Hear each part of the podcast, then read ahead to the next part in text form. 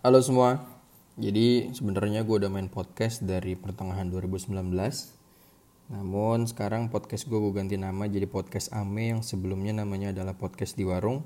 Karena dulu itu gue bikin podcast sambil gue kerja di toko. Dan sekarang gue ganti podcast Ame biar bahasannya lebih luas aja. Oke, sekarang udah masuk episode ketiga. Sekarang gue akan bahas tentang kehidupan. Yang di mana kehidupan ini sering banget kita temuin barang-barang yaitu tentang keuangan Nah, karena udah mendekati awal bulan dan waktu yang paling gue suka itu adalah awal bulan dan juga hari Senin karena di awal bulan dan di hari Senin itu ada spirit baru untuk gue. Oke. Nah, karena mendekati awal bulan dan kita sudah berada di ujung bulan, apa aja sih yang harus kita siapin dan apa aja yang harus kita evaluasi dan pada kesempatan kali ini gue akan bahas tentang financial planning. Pertama kita harus mengevaluasi dulu sebelumnya apakah udah kita bikin perencanaan untuk keuangan kita. Gue pastikan kalau kita belum membuat perencanaan keuangan secara tertulis, itu udah warning pertama untuk kita semua. Karena yang namanya keuangan itu harus tertulis, walaupun uh, itu tercapai atau tidak. Karena kalau kita tidak menulis keuangan kita, bisa-bisa keuangan kita itu bisa menjadi mengawang-awang, mimpi kita terlalu tinggi, tapi ternyata berasa kita tidak mengijakan kaki di bumi. Karena uh, ada yang bilang kalau ang keuangan itu adalah angka bukan sastra. Jadi di saat duit lo habis lo nggak bisa bilang uangku hilang di saat senja dan akan terbit lagi di saat matahari uh, muncul di waktu pagi hari. Nggak bisa. Ya kalau lo udah habis ya berarti lo bokeh gitu. Jadi keuangan itu harus terukur dengan cara tertulis dan lo bisa mengatur apa aja budget yang akan keluar di hari itu, minggu itu atau bulan itu. Oke. Karena kita udah menuju akhir bulan dan untuk teman-teman yang kerja nanti sebentar lagi akan mendapatkan gaji atau teman-teman yang dagang juga udah bisa metik keuntungannya. Gue mengajak kita semua untuk mengevaluasi financial planning kita karena itu benar-benar harus. Mungkin di antara lo semua, misalkan gue, gue ini udah masuk lima tahun berusaha dagang. Terkadang gue mikir lima tahun gue dagang apa aja sih yang udah gue dapetin? Kok kayaknya gue gak punya apa-apa? Nah langkah yang perlu lakuin ada dua. Pertama bersyukur dan melihat ke belakang kira-kira apa aja yang udah lo capai dari cita-cita lo. Dan yang kedua adalah kita mengevaluasi financial planning kita. Apakah kita udah membuat pos-pos keuangan yang uh, sudah kita keluarkan atau mungkin kita belum tahu pos keuangan apa aja. Karena percuma kalau kita tidak tahu pos keuangan itu apa aja kita mencatat segala macam itu tetap aja kita bisa boros. Jadi ngomong-ngomong keuangan kita harus sadar dan kita harus belajar apa aja sih yang harus diperhatikan. Oke gue browsing di Google dan gue mempelajari pos-pos keuangan. Ini basic banget karena gue juga nggak kuliah di finance kuliah gue S1 gue itu sistem formasi dan S2 gue adalah manajemen manajemen bisnis ketemu sih finance tapi finance-nya udah langsung berhubungan dengan bisnis banget. Kayak misalkan kita ngomongin obligasi kita ngomongin saham kita ngomongin dividen saham kita ngomongin merger akuisisi. Namun kalau ini yang kita bahas barang-barang itu benar-benar basic banget yang perlu kita perhatikan dari keuangan yang masuk dan keluar kita. Jangan sampai pengeluaran kita lebih besar daripada pemasukan kita karena kita nggak sadar apa aja yang udah kita keluarin selama sebulan atau beberapa waktu itu. Oke, yang sam, um, kita belajar bareng. lima pos keuangan yang udah gue pelajarin itu di antaranya ada lima yaitu ada pos sosial, ada pos hutang, pos investasi, pos operasional dan pos gaya hidup jangan sampai kita menyam, kita sampai ke titik namanya black period atau uh, periode hitam yang di mana pengeluaran kita hanya habis untuk dua. Misalkan gaji kita 5 juta ya udah. Gaji kita hanya habis untuk dua pos ini dan kita tidak bisa menikmatinya dengan baik. Itu uang kita habis untuk membayar utang dan untuk kegiatan rutin sehari-hari aja kita nggak bisa mikirin untuk investasi jangka panjang kita nggak bisa ngasih reward ke diri sendiri yaitu gaya hidup dan lainnya. Karena banyak orang sukses bilang kalau kita tuh harus jauh berpikir ke depan. Nah sekarang gue pengen ngajak kita untuk kita nggak usah berpikir ke depan jauh dulu deh tapi kita turun dulu ke bumi yang sebelumnya kita mengawang-awang di atas awan. Kayak misalkan di tahun 2018 itu gue nulis di lemari baju gue Bismillah sebelum 2020 punya rumah ya nggak ada yang salah dengan keyakinan tersebut tapi gue harus mengukur keyakinan tersebut agar usaha gue juga bisa terukur dan apa yang udah gue capai itu juga terukur jadi kita nggak hanya mimpi setinggi tingginya tapi kaki kita tidak berpijak ke bumi Oke, sekarang gue pengen mulai dari pos sosial. Nah, pos sosial ini biasanya idealnya itu mulai dari 2,5% sampai 10% lah. Seperti itu. Ya misalkan pos sosial itu kita kan diwajibkan untuk menyisihkan zakat dan sedekah kita dari penghasilan. Nah, kita harus menyisihkan nih sekian persen untuk berapa yang harus kita bagi ke sesama dari hasil pendapatan kita. Kalau gue sih mulai itu dari 2,5% sampai 10%. Nah, lo tinggal idealnya aja berapa kira-kira uh, yang mampu lo keluarkan seperti itu. Tapi kalau bisa ada minimalnya itu sesuai dengan kalau gue uh, beragama Islam itu minimal 2,5% seperti itu. Lalu itu ada yang kedua adalah pos hutang. Misalkan lo memberi barang yang sifatnya tidak cash atau kredit, nah ini lo harus poskan nih untuk dikeluarkan secara rutin setiap bulan untuk membayar hutang kredit lo. Nah, tapi di lain kesempatan kita akan bahas juga kira-kira barang apa aja yang bijaksana untuk dihutangi dan barang apa juga yang tidak boleh dihutangi. Itu mungkin nanti di lain kesempatan kita ngobrol lagi tentang bijaksana dalam berhutang. Jadi supaya hutang-hutang yang ada atau yang harus lo bayar setiap bulan itu terukur, jangan sampai utang satu belum selesai kita udah nambah hutang lagi yang di mana akhirnya pos keuangan hutang kita itu bisa membengkak sampai akhirnya kita masuk ke black period tadi tuh yang di mana keuangan kita hanya keluar untuk hutang dan operasional kita nggak bisa yang lainnya karena udah macet duluan nih di hutang terus yang ketiga adalah pos investasi nah ini nih yang tadi gue bilang banyak orang sukses itu harus melihat ke depan itu salah satunya adalah investasi Nah, kalau gue sendiri sih, gue mau bagi dua nih di bagian investasi ini. Itu ada long term, ada short term. Nah, itu sih rumus pribadi gue aja. Ya intinya kan investasi itu adalah uh, uang yang kita tabung dan akan digunakan di masa mendatang. Gue menjadi dua, itu ada long term dan short term. Long term itu uh, eh, gue bagi yang kira-kira akan gue keluarkan di lima tahun mendatang atau lebih.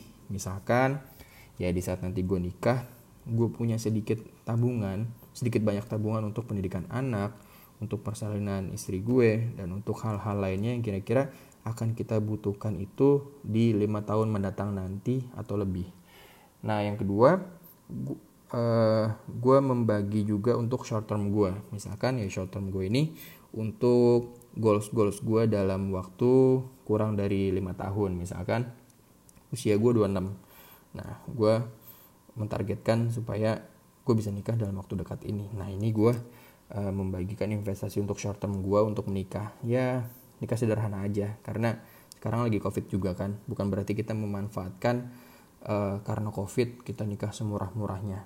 Bukan. Tapi ini adalah saat saat-saat kita untuk balik lagi ke sederhana. Toh juga kita nggak bisa kan untuk nikah yang uh, mewah-mewah di masa covid ini uh, eh, gue dengar dari temen gue juga dia yang nikah di akhir tahun ini udah boleh di gedung tapi dibatasin itu nggak boleh lebih dari sekian puluh orang kalau nggak salah. Seperti itu. Jadi uh, balik lagi di investasi short term ini kita harus mengukur nih goals goals kita di jangka waktu yang pendek itu apa aja. Kalau bisa sih kalau gue sih ya gitu. Gue bagi dua ada yang long term ada yang short term. Jadi saat goals short term kita itu udah tercapai uang kita nggak habis di situ tapi kita masih punya tabungan sedikit atau banyak untuk di long term kita yang tadi gue uh, sebutkan apa aja.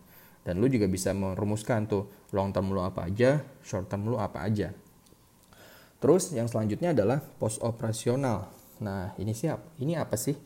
Kalau gue ini maksudnya adalah ini biaya-biaya rutin kita yang keluarkan sehari-hari. Misalkan lo makan di kantor, makan di uh, akhir pekan jalan sama teman-teman terus misalkan lo beli sabun muka lo beli alat kecantikan apa pun itu yang uh, kita pakai atau kita konsumsi kalau gue masukinnya ke sini pos operasional atau biar rutin sehari-hari supaya kita juga nggak boros nih. Kan yang namanya di usia quarter life ini kadang-kadang kan kita uh, karena menemukan teman baru kita merasa baru punya uang karena pekerjaan kita kan kadang-kadang konsumtif banget tuh. Apa aja uh, kita rasa bisa kita beli. Tapi taunya kita bisa sih beli itu tapi pas kita lihat tabungan kita nih uang gua ke mana? Setelah kita muasabah atau merenung sedikit taunya uang kita emang udah habis untuk membelikan sesuatu-sesuatu yang uh, kita tidak bisa bijaksana dalam menentukannya. Karena kita harus bijaksana nih dalam mempelajari keuangan. Kita harus bijaksana menentukan atau menempatkan keinginan dan kebutuhan kita. Intinya itu, kalau kita udah rapihkan pos keuangan ini, pasti deh kita akan bisa bijaksana menentukan uh, keduanya tersebut. Nah, di pos operasional ini yang paling penting karena uh, ini sering banget kita temukan kan sehari-hari. Misalkan lo yang kerja di luar ya pasti lo kan bisa uh, kalau lagi bosen lo beli kopi kalau lagi makan siang makan keluar bersama teman-teman yang di mana uh, misalkan di akhir bulan sisa uang kita tinggal sekian tapi kita harus mengikuti teman kita yang makannya di luar itu yang kira-kira kayaknya untuk waktu ini gue nggak makan di sana dulu deh karena itu terlalu bolos untuk sekarang. Seperti itu. Nah dengan kita mempostingkan atau mem memposkan uh, keuangan operasional kita kita bisa mengukur nih. Dan lagi-lagi setelah uang yang kita keluarkan itu setiap hari harus kita evaluasi dan harus kita kontrol. Kita lihat nih keuangannya hari ini udah over atau belum ya? Dan kira-kira ini sampai akhir bulan atau sampai sekian waktu ini masih cukup nggak ya? Seperti itu. Jadi bisa terukur keuangan kita sehari-hari itu uh, ada berapa dan berapa yang sudah keluar. Karena ini yang banyak kita temukan nih contohnya gua. Kayak gua tuh salah satu orang yang boros tapi alhamdulillah boros gue itu nggak terlalu yang ke konsumtif beli uh, uh, misalkan beli apa-apa yang hedon-hedon gitu borosnya. Gue misalkan gue bayarin orang makan. Ya nggak salah sih kalau kita masuk ke teori memberi itu nggak ada salahnya untuk kita selalu memberi sebanyak-banyaknya. Tapi seenggaknya kita bisa mengukur berapa yang udah kita keluarkan. Mungkin lain kesempatan juga kita akan bahas juga tentang uh, keberkahan kita memberi dan maksudnya ini juga gue nggak pengen mengajari kita untuk pelit setelah denger ini oh iya gue terlalu banyak memberikan sesuatu ke orang lain. Udah mulai sekarang gue pelit aja. Nggak.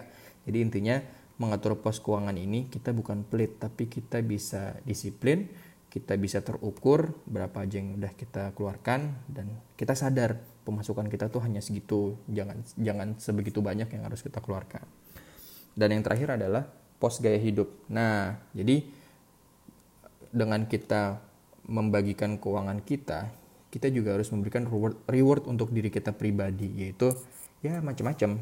Versinya macam-macam. Misalkan untuk yang perempuan, untuk ngasih reward ke dirinya itu misalkan beli alat-alat kecantikan, make up dan sebagainya. Atau kalau laki-laki itu dia bisa beli aksesoris motor atau dia touring ke mana-mana. Nah itu kita bisa atau kita harus tetap memberikan reward ke diri kita sendiri. Nah ini penting juga kalau kita sudah memposkan keuangan kita, kita bisa bijaksana juga nih dalam memberikan reward ke diri sendiri. Jangan sampai reward kita ke diri kita itu untuk saat ini terlalu besar sampai akhirnya lagi-lagi pas kita lihat buka tabungan kita wah ini uangnya ke mana? Nah lagi-lagi kita harus memikirkan lebih panjang lagi. Kita boleh senang-senang sekarang tapi kita juga harus memikirkan masa depan kita. Kira-kira keuangan nanti itu uh, posisi kita tuh ada di mana? Karena bukan hanya keuangan kita nanti ada berapa aja kita juga harus sadar akan politik ekonomi juga itu tentang inflasi dan sebagainya. Kalaupun emang kita punya uang satu juta hari ini belum tentu 10 tahun lagi satu juta itu bermakna. Nah nanti kita akan masuk ke cara-cara investasi itu apa aja itu nanti di lain kesempatan seperti itu. Nah dari situ udah kompleks banget kan dari mulai kita bijaksana menentukan pos keuangan dan juga nanti ada uh, cara-caranya lagi untuk investasi gue yakin setelah kita sadar akan hal ini gue yakin deh pasti goals kita akan lebih terukur lagi dan itu bisa tercapai lebih cepat, tercapai dengan baik dan pengeluaran kita akan lebih bijaksana lagi. Seperti itu.